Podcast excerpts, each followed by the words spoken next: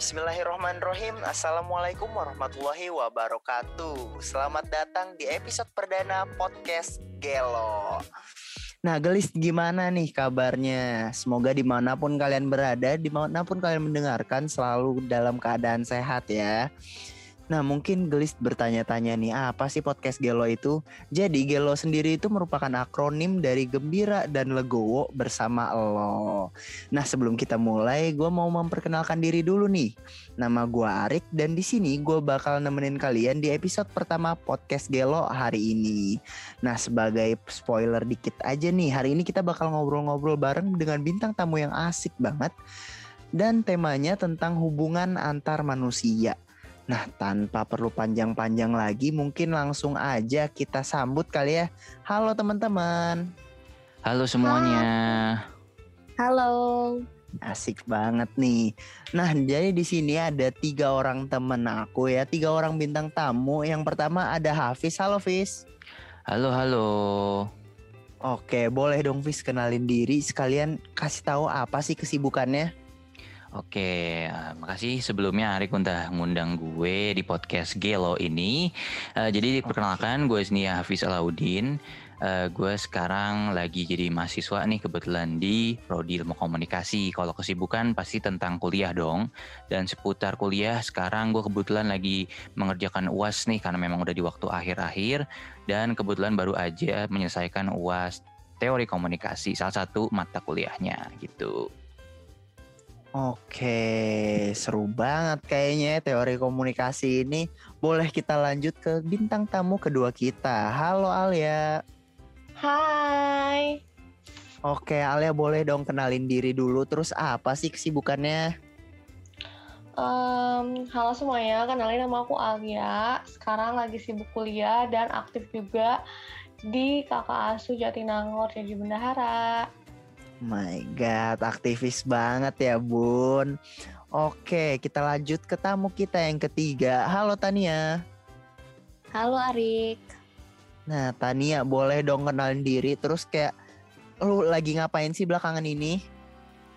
Oh iya, jadi kenalin nama aku Tania. Di sini aku sebagai influencer sekaligus mahasiswa juga. Jadi kesibukan aku ya kayak kuliah, terus uh, endorse gitu. Kalau kalian tahu aku aktif di TikTok sama Instagram. Oh my god, ada influencer nih di antara kita. Oke, kalau kabar gimana Tan? Baik-baik aja kah?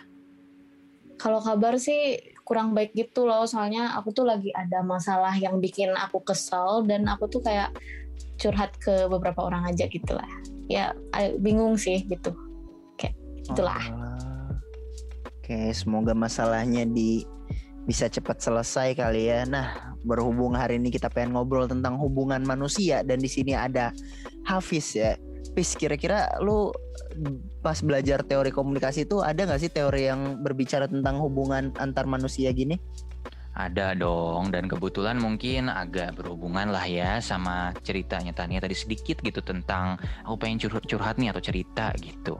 Kebetulan ada teori komunikasi yang berhubungan dengan cara bagaimana orang uh, menceritakan sesuatu kepada orang lainnya yaitu teori Communication Privacy Management atau CPM. Nah, di sini teorinya secara garis besar itu memberitahukan bagaimana orang menjaga privasinya dan memutuskan untuk memberitahu informasi yang berharga bagi mereka mereka ke orang lain atau tidak begitu. Oh alah. Nih isi dari teori CPM ini ada keyword-keyword atau elemen-elemen apa aja sih? Nah, kalau dari elemen nih ada kebetulan. Jadi kalau CPM itu terbagi jadi tiga bagian nih, yaitu yang pertama privacy ownership, yang kedua privacy control, dan yang ketiga privacy turbulence. Ini langsung gue jelasin aja atau gimana nih? Kira-kira. Boleh banget. Betul sebelum mulai nih, nama yang nama tokoh pencetus teori ini siapa ya? Ah bener banget, makasih udah diingetin. Jadi kurang lebih uh, teori ini tuh terinspirasi dari teori teori-teori yang ada sebelumnya, teori penetrasi sosial yang telah diciptakan sebelumnya. Nah terus habis itu ada satu uh, pencetus teori yang bernama Sandra Patronio yang kemudian melanjutkan teori uh, teori penetrasi sosial itu dibentuk menjadi communication privacy management teori tadi gitu. Walah, nah kalau tadi elemen-elemennya itu ada apa aja sih dalam teori ini? Nah, tadi kan disebut ada tiga ya, privacy ownership, terus yang kedua control, dan yang ketiga privacy turbulence. Nah, yang pertama ownership, kalau secara singkatnya, privacy hmm. ownership itu bagaimana dirimu memutuskan antara ketegangan nih, misalkan aku bingung gitu dilema pengen ngasih tahu karena aku merasa terganggu terhadap satu informasi atau masalah tertentu dalam dirimu kepada orang lain atau enggak. Tapi di lain sisi kamu pengen jagain privasimu juga supaya nggak di uh, apa ya nggak terancam sama orang lain gitu. Nah dalam privacy ownership ini seseorang yang hendak melakukan itu itu disebut owner yang akan memutuskan apakah dia akan memberikan uh, informasi tersebut atau tidak. Nah, kalau diberikan kepada orang lain, orang lain yang diberikan itu, yang menerima itu akan disebut co-owner begitu. Nah. Eh, eh, itu nyambung tahu sama masalah aku yang tadi aku keluhin di awal gitu. Oh iya, kayak gimana tuh Tan?